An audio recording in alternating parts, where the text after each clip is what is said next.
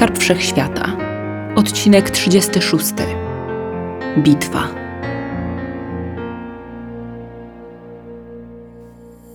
Napastnicy posłali w stronę kotów serię ze swoich karabinów. Kule nie dosięgły jednak celu. Niepozorny podmuch żaru z pyska Ajka stopił je wszystkie jeszcze w powietrzu. Przerażeni wartownicy zaczęli się cofać przed dwoma potworami o zjeżonej sierści. Wtedy i Ike postanowił stać się lwem z areny.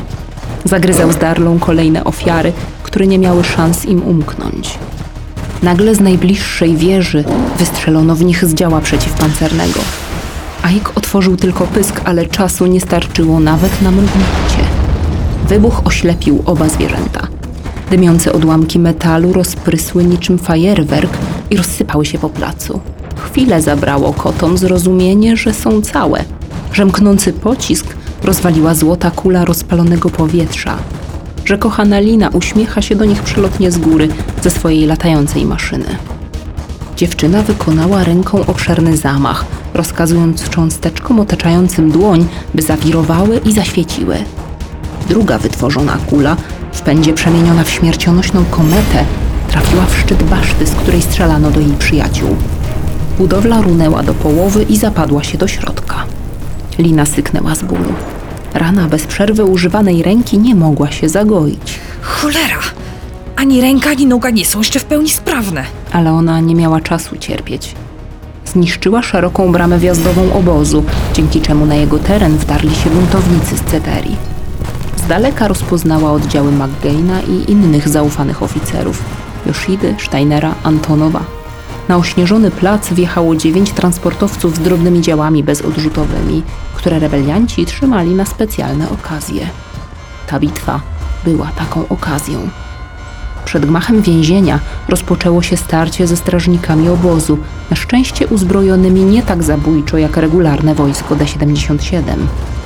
Zdobytą na trupach broń palną przechwytywali więźniowie, którzy wysypywali się wielką liczbą z głównego budynku. Mężczyźni i kobiety, żądni zemsty za swoje krzywdy, stali się sojusznikami wojowników przybyłych z Ceterii.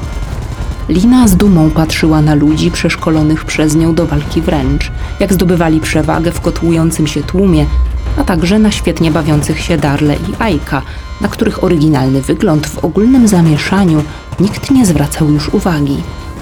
Wywołane przez czerwonego kota pożary topiły śnieg i podwyższały temperaturę powietrza. Bitwa o uwolnienie Dajany toczyła się w piekarniku, ale Lina wiedziała, że ma na podorędziu Darle. Poza tym to niepanujące warunki stały się niebawem największym zmartwieniem głównodowodzącej. Alarm wyjący od początku akcji i ogień obejmujący obóz przywołały do niego stacjonujące w okolicy wojsko dystryktu. Jako pierwsze pojawiło się oczywiście niezawodne lotnictwo. Naprzód! Zawołała Lina do swojej inteligentnej maszyny, zaś ruchem nóg zasygnalizowała jej kierunek lotu. Kosa śmierci. Broni zmaterializowanej w ułamku sekundy użyła, by rozpróć pierwszy z wrogich skydroperów. Przemknęła obok niego w tempie, które pozwoliło jej uniknąć skutków eksplozji. Odwróciła się do walczących w dole ludzi. Warknęła, widząc, że inne skydropery rozpoczęły ostrzał z niższego pułapu. Zakrwawione trupy zaścielały pole bitwy. Ike! Wrzasnęła z góry. Kot natychmiast zrozumiał, o co chodzi. Szybko wskoczył na dach transportowca, który zatrzymał się opodal. Buchające z gardła płomienie dosięgły jednocześnie dwa powietrzne pojazdy. Niestety, ich palące się szczątki nieszczęśliwie upadły pod mury budynku więziennego, a nie zdążyła go jeszcze opuścić większość osób uwolnionych przez Faith. Ogień objął szare ściany, które zaczęły krzyczeć ludzkimi głosami. Darla! Kocica czekała na ten rozkaz. Błyskawicznie znalazła się tam, gdzie była potrzebna. Czarne pasy odbijające na tle jej błękitnej sierści i rogi na jej głowie zabłysły niebiesko. Z paszczy zwierzęcia trysnął wodny bicz, jak ze strażackiego węża. Zbawienna woda wlała się przez okratowane okna do wewnątrz, gasząc sykiem powstały niedawno pożar. Lina dostrzegła, że na działającą Darlę szykuje atak jeden z pilotów skydroperów. Wystartowała w ostatniej chwili, by doścignąć wroga szarżującego na jej przyjaciółkę. zrównała się z nim w locie i kosą śmierci zepchnęła go z jego maszyny, która bez kierującego nią człowieka runęła w dół. Za nim! Skydropper dziewczyny z kosą wykonał polecenie. Lina chwyciła za klin kierowniczy pikującego pojazdu bez pilota i zatrzymała go w powietrzu tuż nad głową Matiasa Gardnera, walczącego z jakimś żołnierzem.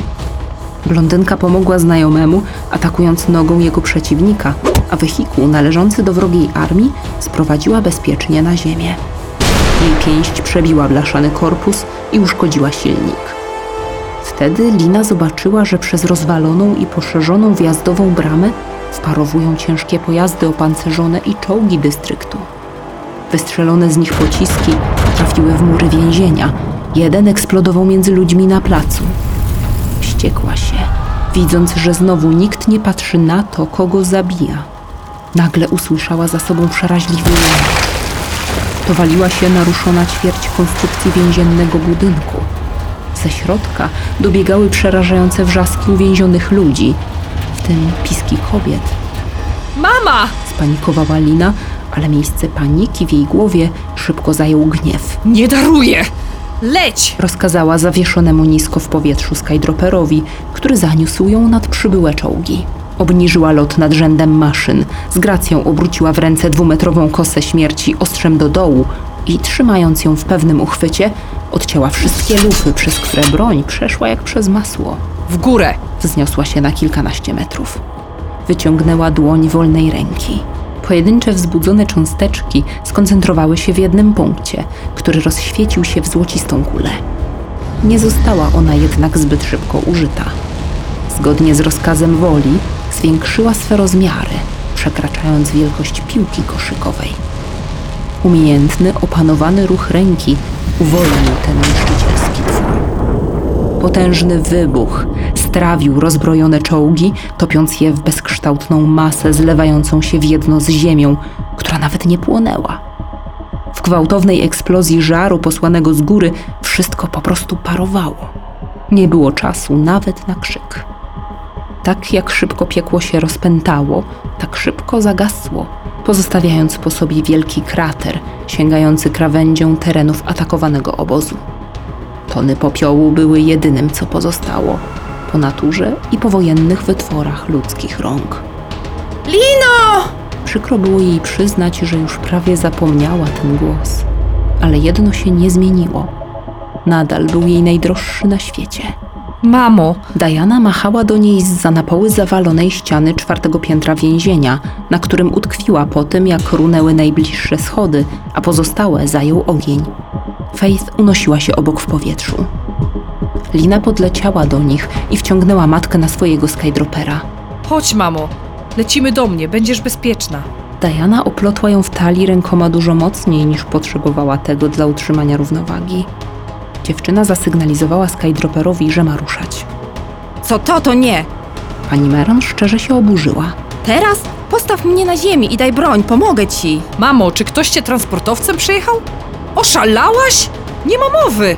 Krótką wymianę zdań matki i córki przerwało pojawienie się śmigłowca, który natychmiast rozpoczął ostrzał. Mamo, trzymaj się! Z tymi słowami Lina chwyciła swoją kosę niczym lance i wydała rozkaz swojej latającej maszynie. W górę naprzód! Lino, uważaj! Diana krzyknęła, gdy jej córka dostała kulą w prawe ramię i niemal wypuściła kosę śmierci z ręki. Sprawna do tej pory kończyna spłynęła granatową krwią. Nie było już lancy. Pędzący skydropper nie zwalniał. Śmigłowiec nacierał. Katastrofalna w skutkach kolizja wydawała się nieunikniona, lecz ogłuszył je huk rozsadzanego samolotu. Fala uderzeniowa odrzuciła czarno-srebrny pojazd i jego pasażerki, raniąc je i parząc odłamkami rozżarzonego metalu. Zabójczy pokaz sztucznych ogni zafundowała im Marin. Lina spostrzegła ją na dachu więzienia, całą i zdrową. Czuła, że ona wróci, ale jej nagłe pojawienie się zaskoczyło ją i zdekoncentrowało. Tymczasem bladolica kobieta wskoczyła przez wyrwę w dachu do środka zrujnowanego budynku. Faith również zniknęła. Na ziemię, Lino! Diana szturchnęła córkę, po czym starła sobie cienkie stróżki krwi z pociętej twarzy. Nigdy w życiu! Blondynka była nieposłuszna. Odwołała kosę i skupiła się na sterowaniu pojazdem. Skydropper wyniósł je poza obręb obozu więziennego i pomknął na północ. W dużym zagajniku w pobliżu 34 osady stacjonowały dalsze oddziały buntowników. Od pola bitwy dzieliło ich zaledwie kilkaset metrów. Ruszać! Krzyknęła Lina, przelatując nad dwoma transportowcami dowódców. Córko, co ty robisz? Pani Meron zbladła i kurczowo wbiła palce w barki dziewczyny.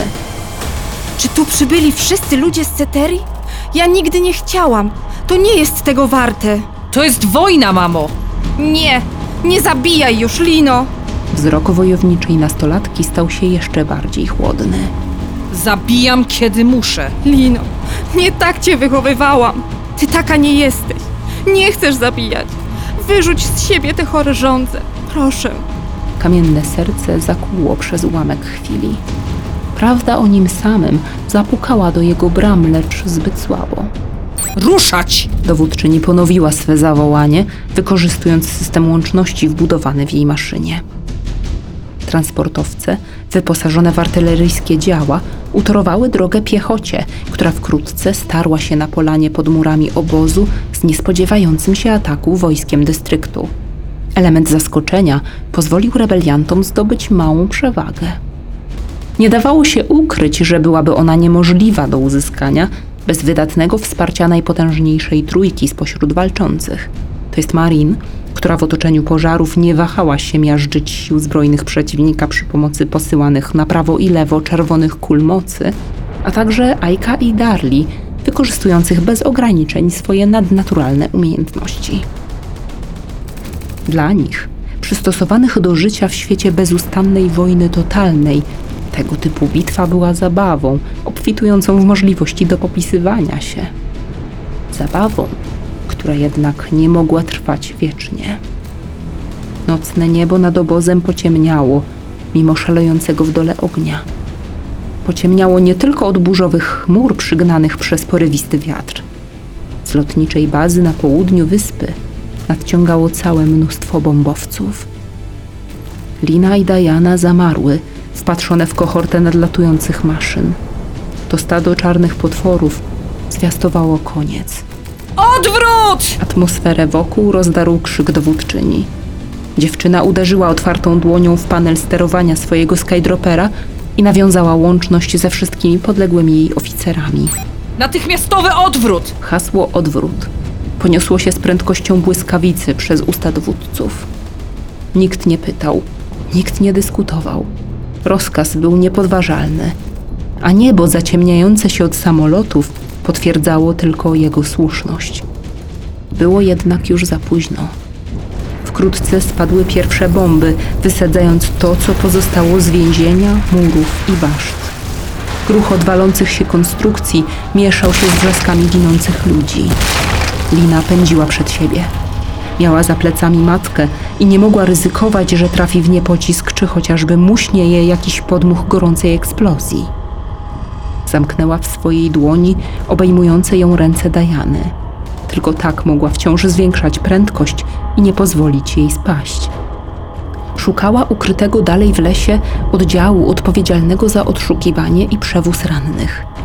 Było to kilka starszych transportowców skradzionych niegdyś wojsku, każdy z kierowcą i kimś, kogo umiejętności mogły uczynić go pseudosanitariuszem na polu bitwy. Wylądowała przy pierwszym z brzegu. To był czas na pożegnanie. Mamo, wybacz! Odgłosy spadających bomb w oddali wystarczały za tysiąc słów. Wiem. Uścisnęły się, po czym Lina ponownie wskoczyła na skydropera. Jej celem były bombowce. Rozruszała dłonie. Obie ręce miała chore. Jedną świeżo zranioną przez pocisk ze śmigłowca, drugą niezagojoną od czasu ratowania Glorii.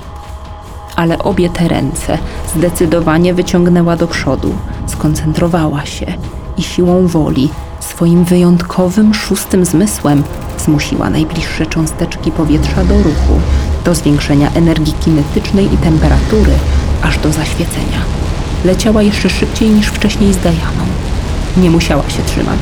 Z gotowymi świetlnymi pociskami w dłoniach mknęła ponad lasem niczym żywa rakieta. Wracała do swoich ludzi. Miała nadzieję ocalić jeszcze jak najwięcej buntowników. ponownie wmieszała się w wojenną nawałnicę. Zlikwidowała naraz dwa bombowce, które zmieniły się w kule ognia i rozerwały na płonące strzępki, rozświetlając ciemności jak deszcz meteorytów. Ike! Zawołała o pomoc. Marin! Zawahała się, nie wiedząc, czy ma prawo oczekiwać choćby odrobiny posłuszeństwa od tej ledwie znanej, przedziwnej, lecz z jakiegoś powodu pomagającej jej kobiety. Ale ostatnia strażniczka różowego kryształu świetnie rozumiała, co to znaczy rozkaz księżniczki. Mrugnęła do czerwonego kota, który również ochoczo działał w tłumie uciekającym przed eksplozjami. Rozdzielili się niczym doskonale porozumiewający się partnerzy, mający za sobą nieskończenie wiele podobnych bitew. Zajęli pozycje na tyłach cofających się rebeliantów. Za sprawą Liny, Aika i Marin wiele samolotów nie zdążyło zasiać prawdziwego zniszczenia wśród szeregów wojska Ceteri, które wykonywało rozkaz odwrotu. Ludzie także zapragnęli przysłużyć się w tej nierównej potyczce i wesprzeć trójkę swoich bohaterów. Uruchomili drobne działa zamontowane na dachach kilku ich transportowców. Tym sposobem z pozoru bezbronne istoty z ziemi stawiały mężny opór rzekomo niepokonanej armii bombowców. Jednak nadlatujące następne partie samolotów w większości wymijały już lecące w ich kierunku różnorodne pociski i słupy ognia. Nadwyrężone ranne ręce dziewczyny z kosą słabły, krwawiąc coraz silniej. Lino, zostaw ich! Znikąd nadleciała Faith. Ratuj siebie! Schodź do podziemi natychmiast! Odwal się! Blondynka wrzasnęła agresywnie. Lepiej się do czegoś przydaj tak jak Ike. Faith zwróciła uwagę na czerwonego kota, który sprytnie umiejscowił się na dachu jednego z transportowców, wczepił się w niego pazurami i ognistymi spiralami zatrzymywał rakiety posyłane na wycofujący się oddział Piersa McGaina, spalając je na popiół. Samiec za wzór do naśladowania wzdrygnęła się. Znajdź mamę! Z tymi słowy Lina zostawiła ptasią przyjaciółkę i nakazała swojemu skydroperowi przelecieć tuż nad rebeliantami. Dotrzeć do lasów Ceterii. Rozdzielić się. Zejść do bunkrów. Wiedziała, że większe transportowce dystryktu, a zwłaszcza jego czołgi, nie dadzą rady tak łatwo i szybko manewrować wśród drzew. Nie mówiąc o pilotach samolotów, którzy stracą z oczu swój cel. A do granicy terenów podległych dystryktowi, za którą rozciągała się Ceteria, dom wszystkich bezdomnych na Asper, było już tak niedaleko.